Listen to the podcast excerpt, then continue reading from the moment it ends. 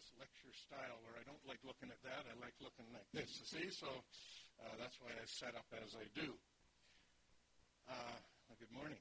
It's uh, good to be in this uh, series that we're on. Uh, it's called Looking Unto Jesus series and his statements about himself. And we've done a number of them, and we'll be carrying on a few more. And following this, we hope to do a series on the miracles of Jesus and what that teaches about himself. So, in um, preparation for the theme for today, Jesus said, I am the good shepherd. And all of us know something about sheep. I don't think too many people have actually shepherded sheep here. Some of you may have grown up on a farm and had some sheep. I had that privilege not on our farm, but I worked for a guy from New Zealand who owned a farm, and of course, New Zealand, eh? It's sheep, eh? So he had besides 150 head of Guernsey cattle, he had about 100 sheep, which I was uh, helped to keep. And so I learned a little bit, a little bit, but we keep them a lot different here than what they do. We're going to look at the tradition of the sheep and how, how uh, the Lord Jesus so perfectly fulfills that role. So let's read. Now, uh, we're going to be speaking on the door at a future time. Uh, Jesus saying, I am the door. So we're going to try and avoid taking anybody's uh, uh, material from verse 9. So we're going to start John 10 and 10. I think I got that. Yes. So I'll read that, and then we'll read in 1 Peter, and then we'll pray, and we'll look at what the Lord leads us to understand. The thief, Jesus is in a dialogue with the scribes and Pharisees. They've been opposing him at every turn. And he says this to them The thief does not come except to steal and to kill and to destroy. I have come that they may have life and that they may have it more abundantly. Now, I'm just going to pause from time to time as I read this because there is a purpose that the Lord Jesus came into the world. There are a number of purposes. He came to bear witness of the truth. He told Pilate that. But he came so that you and I and anyone who will respond to the message of the gospel, you can have life. And not just life, you'll have abundant life. And not just abundant life, but uber abundant life. That's, that's, it's, it's the highest level of abundance that the human spirit could ever, and the human life could ever experience. That's what he came to do. If you're not experiencing that, then are either not saved this morning or you're not fully walking with the Lord, which I suppose all of us would put up our hand and say, not quite, or not at all. But it is available and it, the future is very bright for the believer. And here's the, here's the text. I, verse 11, I, Jesus said, I am the good shepherd. The good shepherd gives his life for the sheep. And we would know from the gospel that that was an essential component of salvation. Jesus had to die. He came. Shepherd dying for the sheep. But a hireling, he who is not the shepherd, one who does not own the sheep sees the wolf coming and leaves the sheep and flees, and the wolf catches the sheep and scatters them. The hireling flees because he is a hireling and does not care about the sheep. I am the good shepherd, and I know my sheep and am known. Sorry, I can't see it's in red. It's hard lighting up here. Um, and am known by my own sheep, is what, what it implies there. As the Father knows me, even so I know the Father, and I lay down my life for the sheep. And the other, and other sheep I have, which are not of this fold. I want you to take this into consideration early, and then we'll talk about it later in the message. Other sheep I have, which are not of this fold, them also I must bring, and they will hear my voice, and there will be one flock and one shepherd. Therefore, my Father loves me because I lay down my life that I might take it again. No one takes it from me, but I lay it down of myself. I have power to lay it down, and I have power to take it again. This command I have received from my Father. Therefore, and I'll get this, therefore, there was a division again among the Jews because of his sayings previous, there was a division because of who he was. We think now about his sayings. They're all split right down the middle. Or, and many of them said, He has a demon and is mad. Why do you listen to him? Others said, These are not the words of one who has a demon. Can a demon open the eyes of the blind? Now, let's uh, go back to 1 Peter chapter 5. There will be a a slight application here to the elders. So the rest of you are not off the hook, by the way. but uh, this is to elders. Uh, but it gives us a view or, or statement that I want to incorporate into the message later. The elders, it says in verse 1, 1 Peter 5, the elders who are among you I exhort, I who am a fellow elder and a witness of the sufferings of Christ, and also a partaker of the glory that will be revealed, shepherd the flock of God which is among you, serving as overseers, not by compulsion, but willingly, not for dishonest gain, but eagerly, nor as being lords over those entrusted to you, but being examples to the flock. Got that? The flock. And when the chief shepherd appears, you will receive the crown of glory that does not fade away. Amen. Let's pray. Father, thank you for these words of our Lord Jesus Christ and the promises that grow out of them to every person who will submit to your lordship and acknowledge Jesus Christ as their Lord and Savior. Lord, there might be some here this morning that these are mysterious words. We pray that they'll become clearer as we go through. To those of us who are uh, already your sheep, the sheep of your pasture by your grace, we pray that today we will learn that one of the roles of the shepherd, the great role, is that he leads his flock in the right way, protect, and to keep, and to feed, and to water. And so, Lord, may we learn all these lessons and learn to trust you as the sheep trust the shepherd. We ask this for your glory, Father, and the glory of your Son, in whose name we pray, Lord Jesus Christ. Amen. Now, this, um, as we're looking, there's, there's actually in John's Gospel, there's actually seven different things that Jesus says about himself in terms of the word I am. I am the bread of life is one, and I am the light of the world. We've looked at those two. Uh, I am uh, the door just before this in verse 10. I am the resurrection and life, and so on. Well, of all these statements, and they all reflect and bear uh, rich images of something Christ is to us and is to God, uh, this one of all of the images is so easy for us to enter into because this is a person. It's not a door. You don't look at that door. Oh, I see Jesus, and you gotta you gotta use your imagination a little bit more when you're looking at door or bread. But when I look at a person and a shepherd, and if you ever get a chance to watch a shepherd, you can see, yeah, I see it. I see it. I see it. And and when Doug asked us this morning, as we were uh, remembering the Lord here, what the, how is the Jesus, the Good Shepherd, in your mind and in your heart? there are very few advantages to getting to my age, and there's some that are older than me, and they're smiling right now. But at this age, they're, you know, your best years are behind. Am I right, Ron? Yeah, Ron's nodding. He's saying amen there. There's one of the things, though, that as you look back at your life from this vantage, I can look back and I can see how the Lord has led me. There were times in my life when I wondered, what, where is God? Where, God wouldn't allow this. But now I look back and I see that he did that. Now, uh, these are some of the pictures, and if you go online to the images of Jesus, the Good Shepherd, it, it's just thousands of images of that artists have drawn. And here we see this uh, shepherd watching over the flock. They're grazing. They're totally oblivious to danger or anything else. He's watching over them, watching uh, the woods around for the uh, predatory animals, or he leads, that's not a good picture actually, because he leads them to still water. He'd have to find a backwater. Sheep won't drink, drink out of running water. I don't know if you knew that. But that's a running stream, it looks. He'd have to find a still water, or else he'd have to take water out of there and, and for them to drink. And then there's the rescuing of the sheep. Now, here, here's one that, um, oh no, getting ahead of myself here. These are just some, uh, the, the Bible's full cover to cover first, so we're here for a long time. If you were here in the early service, I, I want to thank you, men, for taking a lot of my points this morning. Um, but that's okay. Uh, here are some of the things. We're going to look at the Good Shepherd, and we'll expand on that.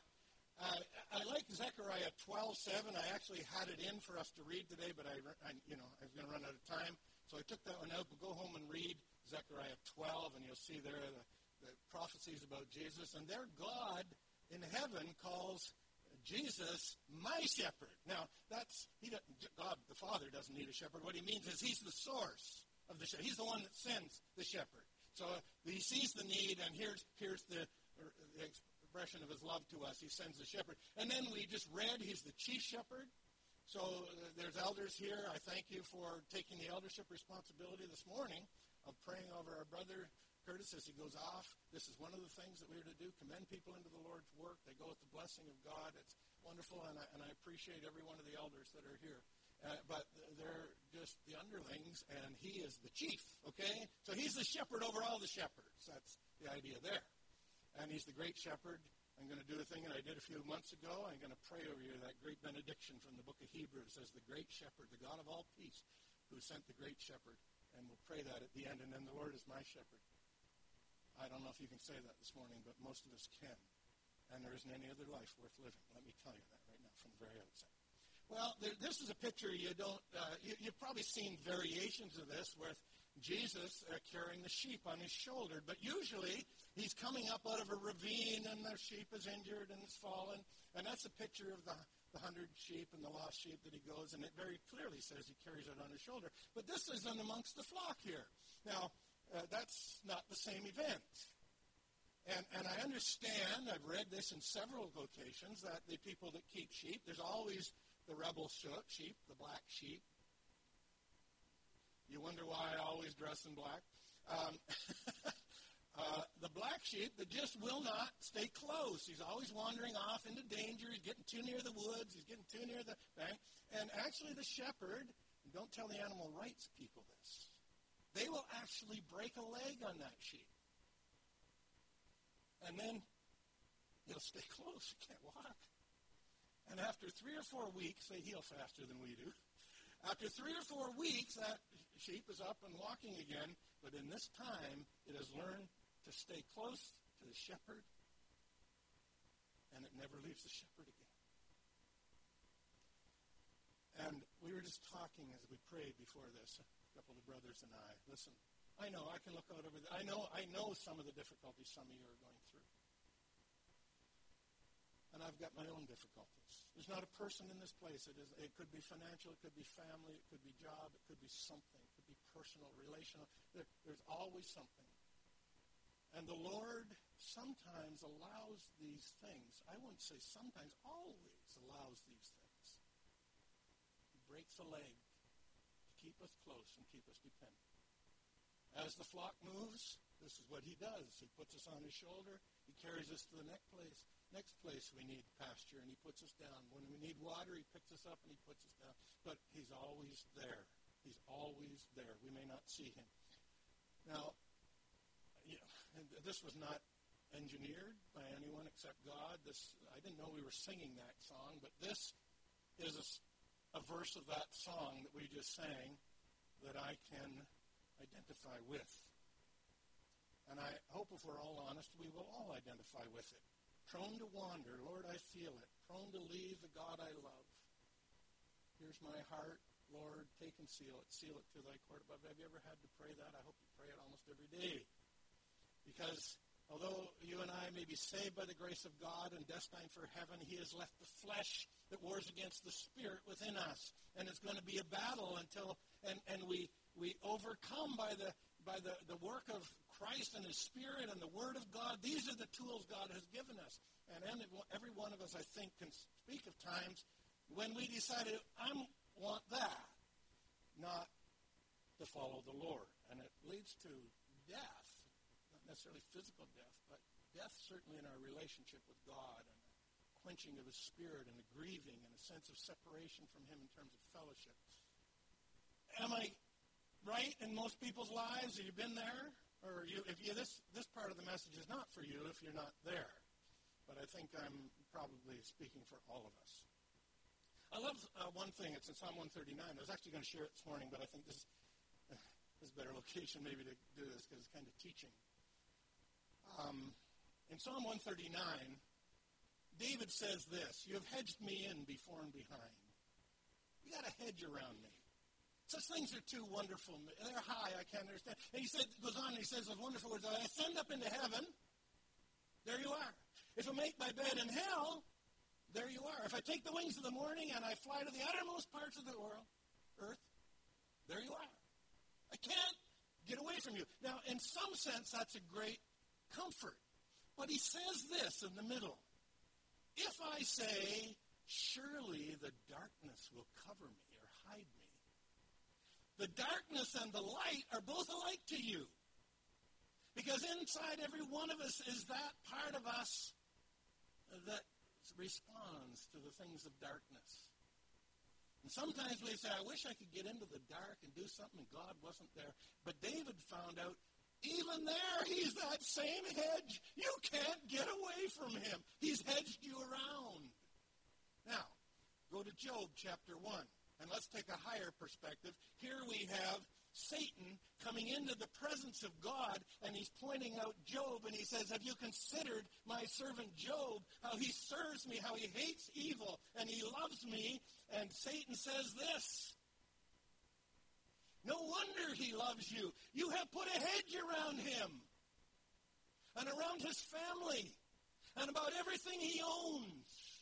And everything he does, you've made it to prosper that same hedge that keeps us hemmed in from those fields afar that we so desire are the same hedge that keeps the wolves and the bears and the mountain lions from getting at us as we follow the path of God.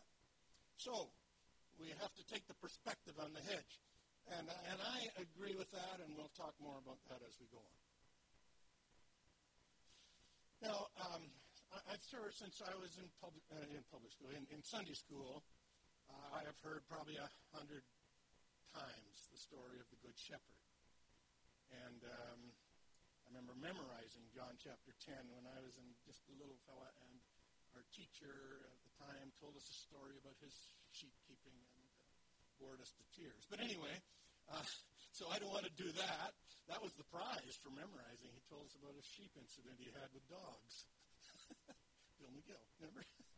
Uh, anyway, um, good man, wonderful Christian man.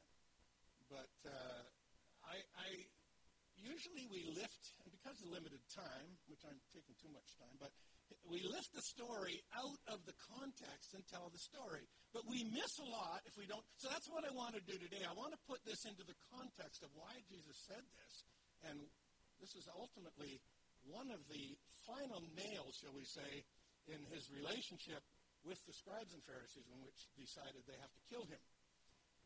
The Lord's statement identifying himself as the Good Shepherd is the culmination of a deepening series of conflicts that the religious, with the religious leaders, beginning in chapter 6, right after he, he made the, the bread and the fish and, and fed uh, 5,000.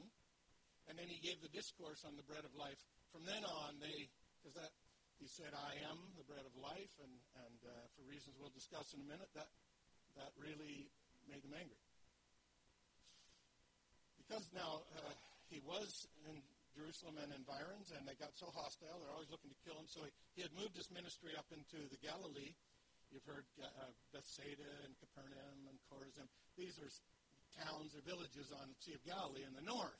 And so that's where most of Jesus' ministry took place in a little place that we, we went there, and you could look from there, and you could see the boundary, you could see the skyline, and you realize that the God of the universe, for a period of most of, most of the period of three years, limited himself to a, a, a space smaller than, I don't know, Lake Simcoe. That make it clear to you?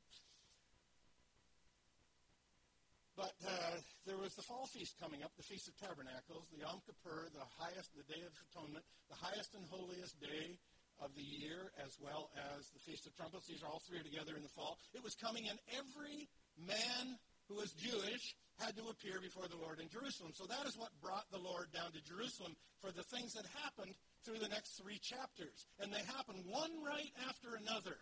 That's what John does. He takes blocks of what Jesus did, and there's only about five of them, and he puts them there, and he, and he teaches us stuff that is not in stuff. That's not a good word, but things that are not in the other gospels.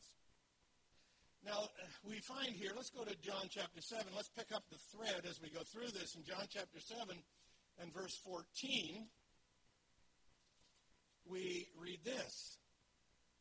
Now, about the middle of the feast, that is the feast of trumpets, which just precedes the other feast there. Now, about the middle of the feast, Jesus went up into the temple and taught, And the Jews marveled, saying, How does this man know letters, having never studied? So he's becoming a mystery to the general people, to the people who had gathered there. And uh, we find out, as we just read a few minutes ago, that, that there was a division about this, so the things he was teaching, and also the things that he did. So, in the midst of this growing conflict uh, and religious opinions, the master comes uh, and rescues a woman taken in adultery. This happened right at that time. You remember they brought in this woman and they say, okay, what are we supposed to do with this one? We caught her in the very act of adultery. Now, do you see a problem here? Where's the man? All right? They got the woman. If it's the very act of adultery, where's the man? Now, that he didn't say that, but the, the, that should have kind of registered, you would think.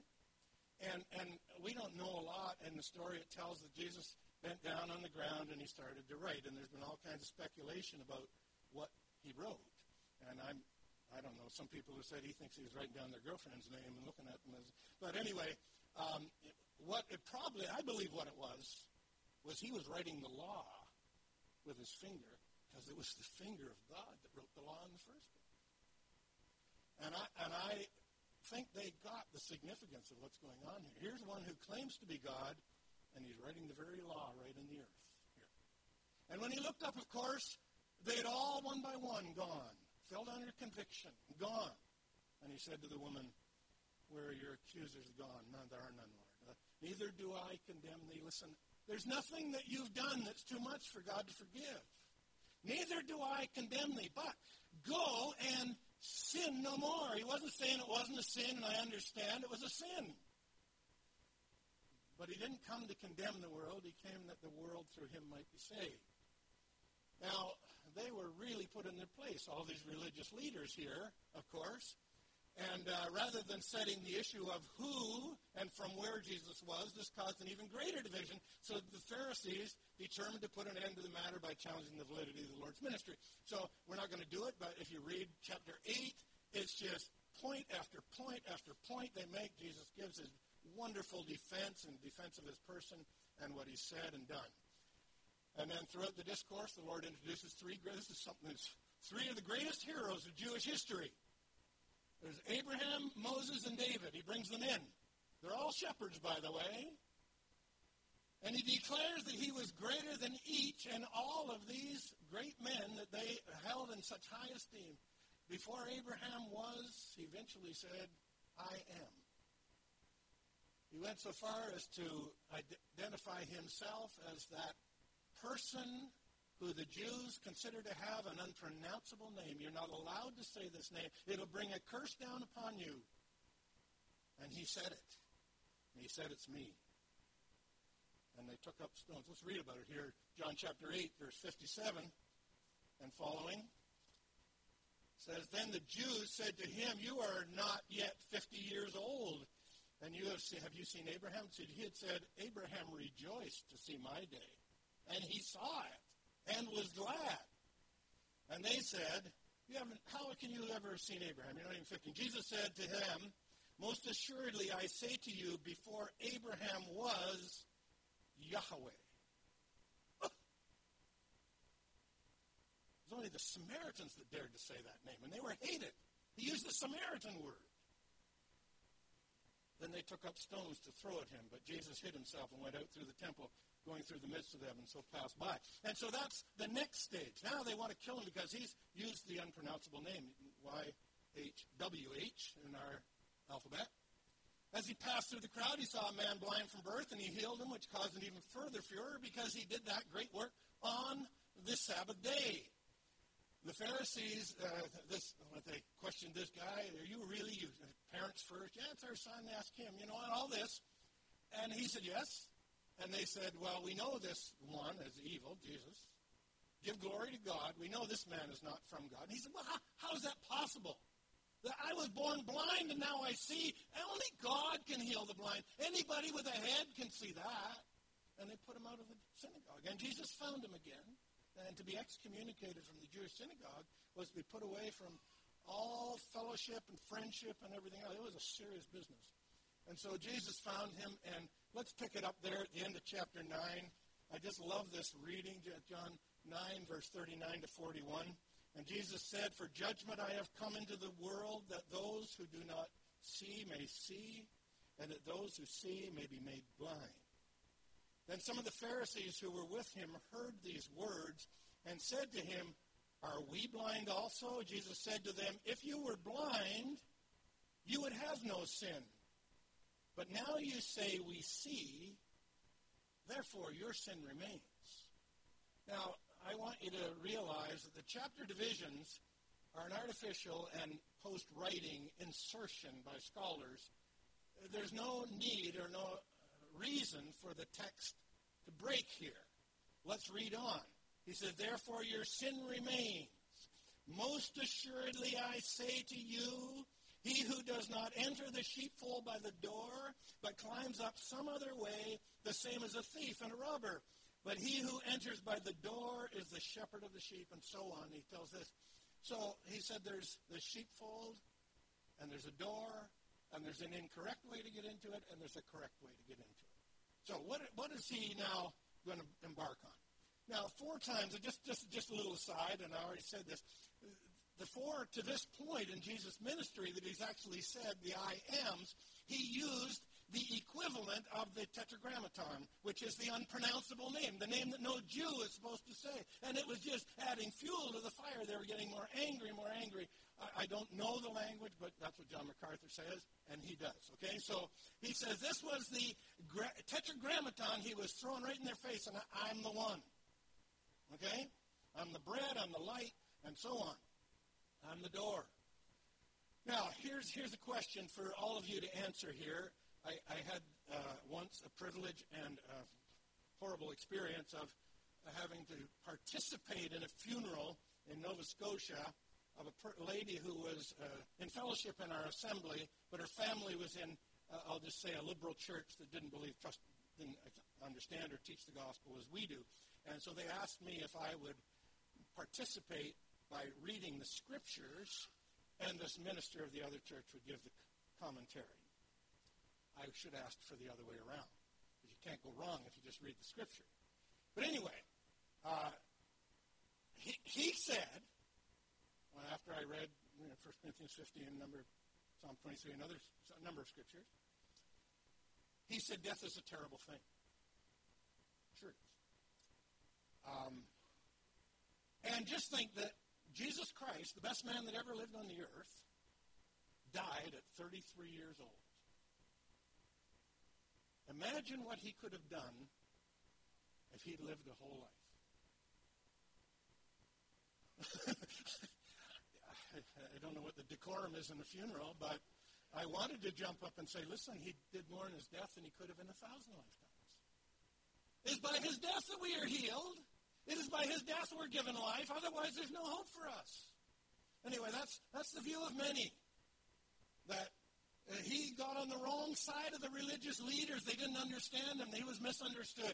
And if you believe that morning, and we're not going to answer that question yet, we're going to answer this one. Now, what was Israel understanding of the importance of the analogy of shepherds in regard to their history and their future? Well, we know that sheep were the foundation of their, their whole uh, religious ceremonial relationship with God. Now, here we go on a little travelogue. Some of you know that I go to the country of Georgia. It's a country of sheep keepers. And Patricia and I have seen these sheep up on the mountains. And this is the area of Tusheti, which is way, way up there in the mountains, the Caucasus Mountains. These are the foothills of the Caucasus. And these you see all over the place. You see these sheep. I was just telling somebody, they look like mountain maggots, they call them. Because from a distance, you see these little white spots, and if you watch them, they start to wiggle and move. But they, they, from a distance, you don't even see them moving. And you see the shepherd out here, and you see the family or shepherds in training, and they believe me, nobody owns this property. It's way up there in the mountains, and they can go anywhere, leading their sheep, flocks. But with that kind of isolation, of course, there's, uh, there's problems of bears and wolves and mountain lions. Now, because it's so wild up there in the winter, they get about three or four months of pasture time in the mountains. Then they have to lead their sheep.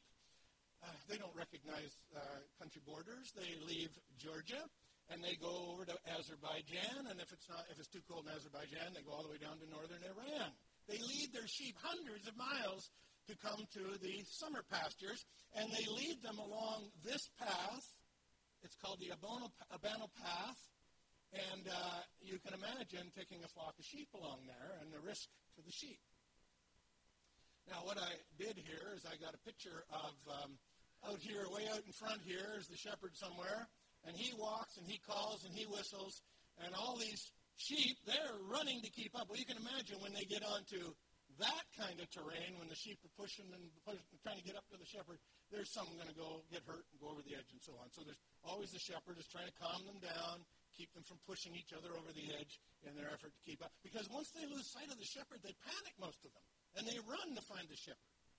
Now, Stephanie went and Patricia went down to Nova Scotia. We were there on the ground eight hours yesterday and flew back, okay, to pick up two dogs. Little puppies that they wouldn't weigh as much as the tongue on this dog. These are the biggest dogs in the world. These are the dogs that help the shepherd. Now, I don't know what these are in the story of the shepherd and the sheep, except that I, uh, the dogs of the shepherd are mentioned in the book of Job. So they obviously in those days dogs were also used to help keep the sheep. Um, these dogs are specifically bred to kill bears and mountain lions and wolves. No weapon needed. Okay? They guard. Now, if Jesus is the shepherd, I, I think these are kind of like the angels he sends to keep guard over the flock. God shares the opportunity to keep us. And I think the angels, uh, you know, we have guardian angels. So, so I, if you want a real dog, you know, they, they chew your um, Doberman up. But anyway, uh, that's, that's what that sheep keeping. Now, here's the verses I want to get to. The thief does not come except to steal and kill and destroy. I am come that they might have life and they might have it more abundantly. I already mentioned that. And here's the ne- next verse to emphasize. But a, a hireling he who is not the shepherd, one who does not own the sheep, sees the wolf coming and leaves the sheep and flees, and the wolf catches the sheep and scatters them. So in this, we see there are two types of shepherd. One is a good shepherd, and one is a hireling. Zechariah calls him an idle shepherd or a worthless shepherd. Okay? What's the point of having a shepherd if something dangerous shows up and he takes off running and leaves the sheep? What's the point? Now, I want to read this. I just got it all up here. It would be good to read. Uh, this was mentioned, I think, this morning in the Lord's Supper. This is from Isaiah. This was a prophecy from God who they trusted, and they knew this prophecy. It says, Behold, the Lord God shall come. Who's going to come? The Lord God is going to come with a strong hand, and his arms shall rule for him. Behold, his reward is with him, and his work before him. He, that is the Lord God, will feed his flock like a shepherd. He will gather the lambs with his arms and carry them in his bosom, and gently lead those who are with young. There was a shepherd coming, promised to Israel, back by their most revered prophet, Isaiah, and it was going to be God himself. Okay? They knew that from the scriptures. Then let's read this. I think, uh, okay, Ezekiel chapter 34. This was read this morning in the uh, Breaking of Bread. If you want to just listen, I'll just read it. It's a fairly lengthy reading, but uh, I want us to get the thrust of this from another scripture. Isaiah 34, 1 to 12 says this The word of the Lord came to me, saying, Son of man, prophesy against the shepherds of Israel. Prophesy and say to them, Thus says the Lord God to the shepherds Woe to the shepherds of Israel who feed themselves. Should not the shepherds feed the flock? You eat the fat and clothe yourself with the wool. You slaughter the fatlings, but you do not feed the flock. The weak you have not strengthened, nor have you healed those that were sick, or bound up the broken, or brought back what was driven away, nor sought what was lost, but with force and cruelty you have ruled them. So they were scattered because there was no shepherd. And they became food for all the beasts of the field when they were scattered. My sheep wandered through all the mountains and on every high hill. Yes, my flock was scattered over the whole face of the earth, and no one was seeking or searching for them. Therefore, you shepherds, hear the word of the Lord. As I live, this is swearing now on himself.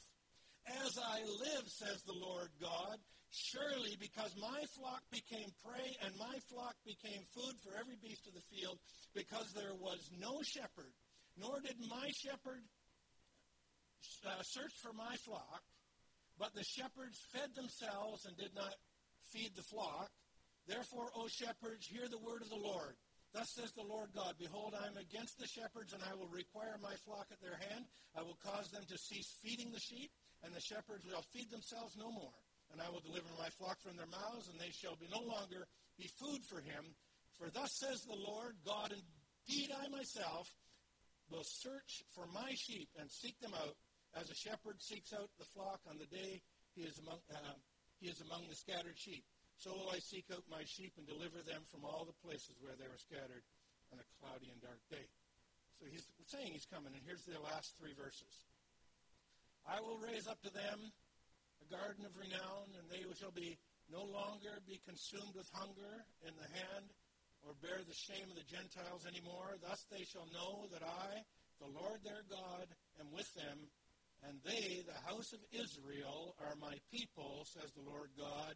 You are my flock, the flock of my pasture. You are men, and I am your God, says the Lord God. So this flock he's talking to in John chapter 10 during that phase of his ministry was Israel as a nation.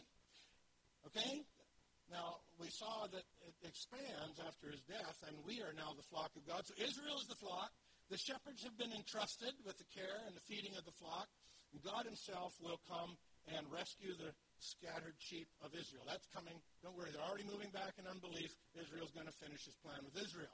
So, why did these words of Jesus so, re, so enrage the religious leaders that it was this that drove them to begin to plot to put him to death? Well, it, here. Here's a literal translation.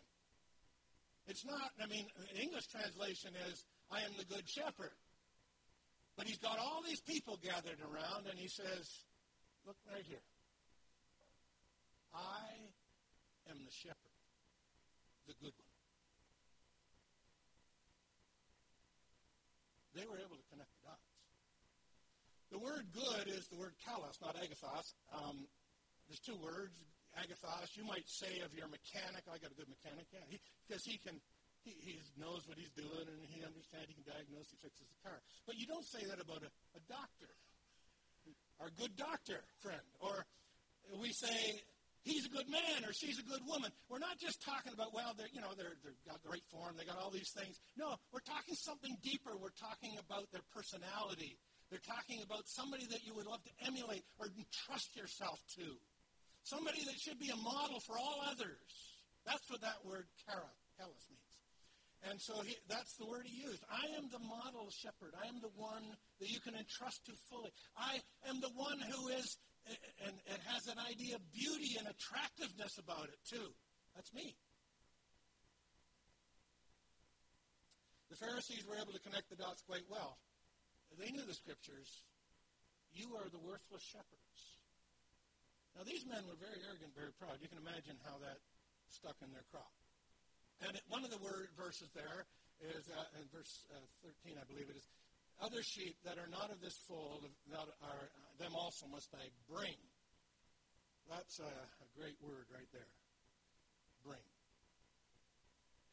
Because the call goes out, and those who will answer the call, God will bring them. There's a great verse in Ephesians chapter 2 that at that time, Paul says, at that time we were aliens, Gentiles that is, we were aliens from the commonwealth of Israel. We weren't part of that fold.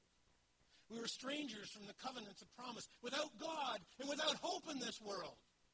But now in Christ Jesus, ye, non Jewish, who were afar off, are brought nigh by the blood of the cross. So he's brought us near. So near that all you have to do is breathe a prayer here, and you will be one of his sheep forever. So let's uh, look at this. He's calling the sheep today. I don't know if you know what that means, but um, I'd like you to do a little imagination. I've done this once before, I think, from this platform, but I want I want to do it again for those who haven't ever heard this illustration because I think it's very, very meaningful. I want you to put yourself in the place of a sheep. And if you know anything about sheep, they have no sense of defense. Even the rams that have got the big horns, they use them to fight each other. But as soon as any danger comes in, they're gone. They, they would never turn and face any of the, the, the predatory animals that come against them. And believe it or not, you'd wonder why it, the maker of heaven and earth and the human race would make us be like sheep. Sorry, stupid. In spiritual things, really stupid. They keep going back and getting into the same trouble over and over again, and you got to always be using that hook, pulling them away from the edge. You got always the shepherd at work trying to keep them from being hurt. So you're a sheep, and and you wandered off. You're willful. You wandered off, and the shepherd came back, and there's one missing. It's you. You got scared now. You look up, the whole flock's gone. You're scared. Until you start running and running and running and you run and you run over a bank and you fall down a, a cliff and you land on a ledge and you broke your leg and you're hurt and you're, you're, you're crying out in the night. Hopeless. You can't walk. And then you hear it. The wolves coming. They've got your scent. And you can't even walk and they're closing in on you. You haven't got a chance. They're hungry, you're food. And then across the night, wind, gentle breeze. You hear the shepherd's voice. Mary, Johnny, Billy, I don't know what your name is. In the quiet of the night, you hear the shepherd's voice calling out for you, what would you do? Why, you ah, as loud and as long and as hard as you could. And that is what you need to do today you're not saved. I don't know how or what circumstances God has brought you through to bring you to this place of knowing the need of salvation. But you don't need to form it in any fancy words. You just have to express that you need a Savior. And He will save you.